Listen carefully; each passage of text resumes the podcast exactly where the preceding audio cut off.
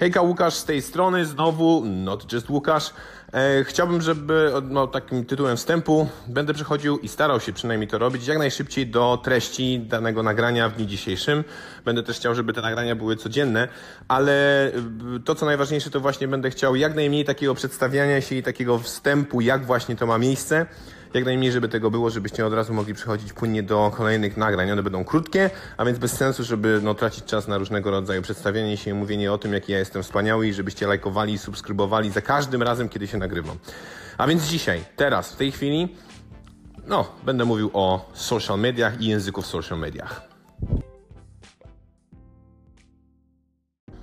Słuchajcie, a więc o języku w social mediach, ale nie tylko, bo również w mailach i w ogóle we wszelkiego rodzaju komunikacji takiej oficjalnej, pisanej, e, może nie papierowej, bo to rzeczywiście jest zupełnie osobna kwestia, ale niech będzie, że dzisiaj w social mediach o prowadzeniu na przykład fanpage'a, czy o prowadzeniu jakiegoś własnego profilu na, na LinkedInie, i o języku, jakim się posługujemy w tych miejscach. No więc słuchajcie, ja mam bardzo często wrażenie, że ludzie, którzy tworzą różnego rodzaju fanpage i je prowadzą, od razu uważa, uważajcie, e, bardzo często te fanpage prowadzone są przez osoby, które są kompletnie niezwiązane z firmą, która ten fanpage posiada, natomiast są tacy administratorzy, jakieś zewnętrzne agencje, które są wynajęte i no, rzeczywiście z dystansu próbują wejść w skórę tej firmy, która no, ten fanpage posiada. Jest to bardzo trudne, to po pierwsze, a po drugie dosyć ryzykowne, jeżeli chce się przekroczyć pewną granicę, taką strefę komfortu bym powiedział. Oczywiście taka strefa komfortu w social mediach istnieje, a chyba jednak można ją sobie gdzieś tam narysować, zaraz zresztą to będę próbował zrobić. Słuchajcie, więc język w tych social mediach bardzo często w różnego rodzaju fanpage'ach jest bardzo oficjalny, bardzo sztywny. Jest to język, który jest bardziej taki, ja to nazywam PR-owy bełkot. To znaczy, yy, drodzy Państwo, o, na przykład, jeżeli ktoś takiego coś pisze na social mediach, na jakichś tam Facebookach, oczywiście zakładam, że to nie jest Facebook mm, fanpage przeznaczony dla osób w wieku 50-60+. Plus. Wtedy można rzeczywiście sobie na coś takiego pozwolić, jeżeli zwłaszcza się prowadzi ten fanpage i jest osobą 20-letnią. Z drugiej znowu strony, kto może wiedzieć o tym, że prowadzi to 20-latek?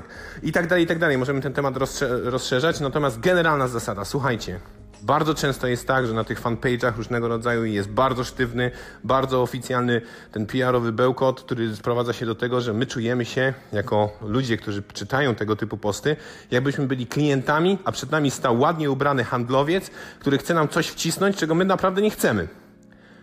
I to jest kiepskie, no nie?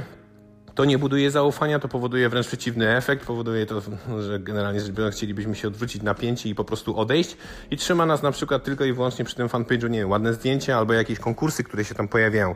Nie tędy droga, budujmy, budujmy relacje.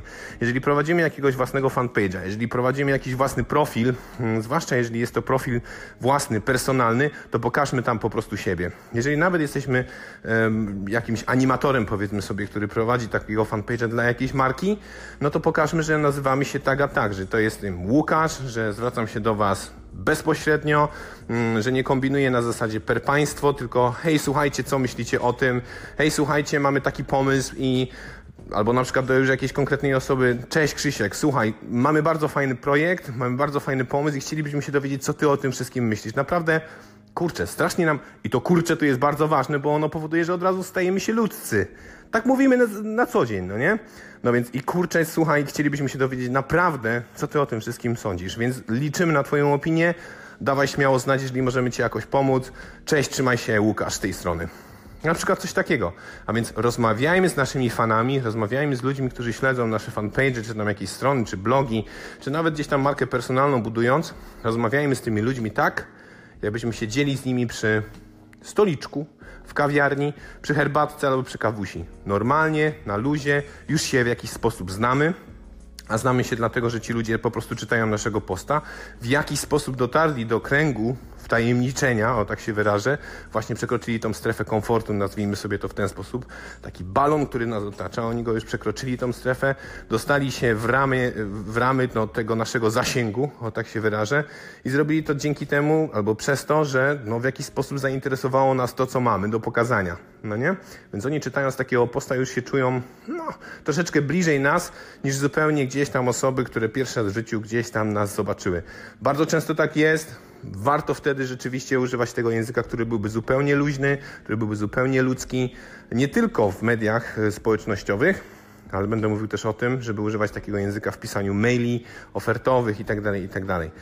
To da, działa dużo lepiej, bo to jest ludzkie, bo to jest normalne, bo pokazujecie, że jesteście ludźmi, a nie robotami, którzy klepią po prostu jak z szablonu yy, jakieś tam posty, jakieś tam informacje, jakieś tam maile. Polecam, aby to zrobić. Eee, używajcie języka ludzkiego. To tyle na dzisiaj, krótko na temat zwięźle. Trzymajcie się.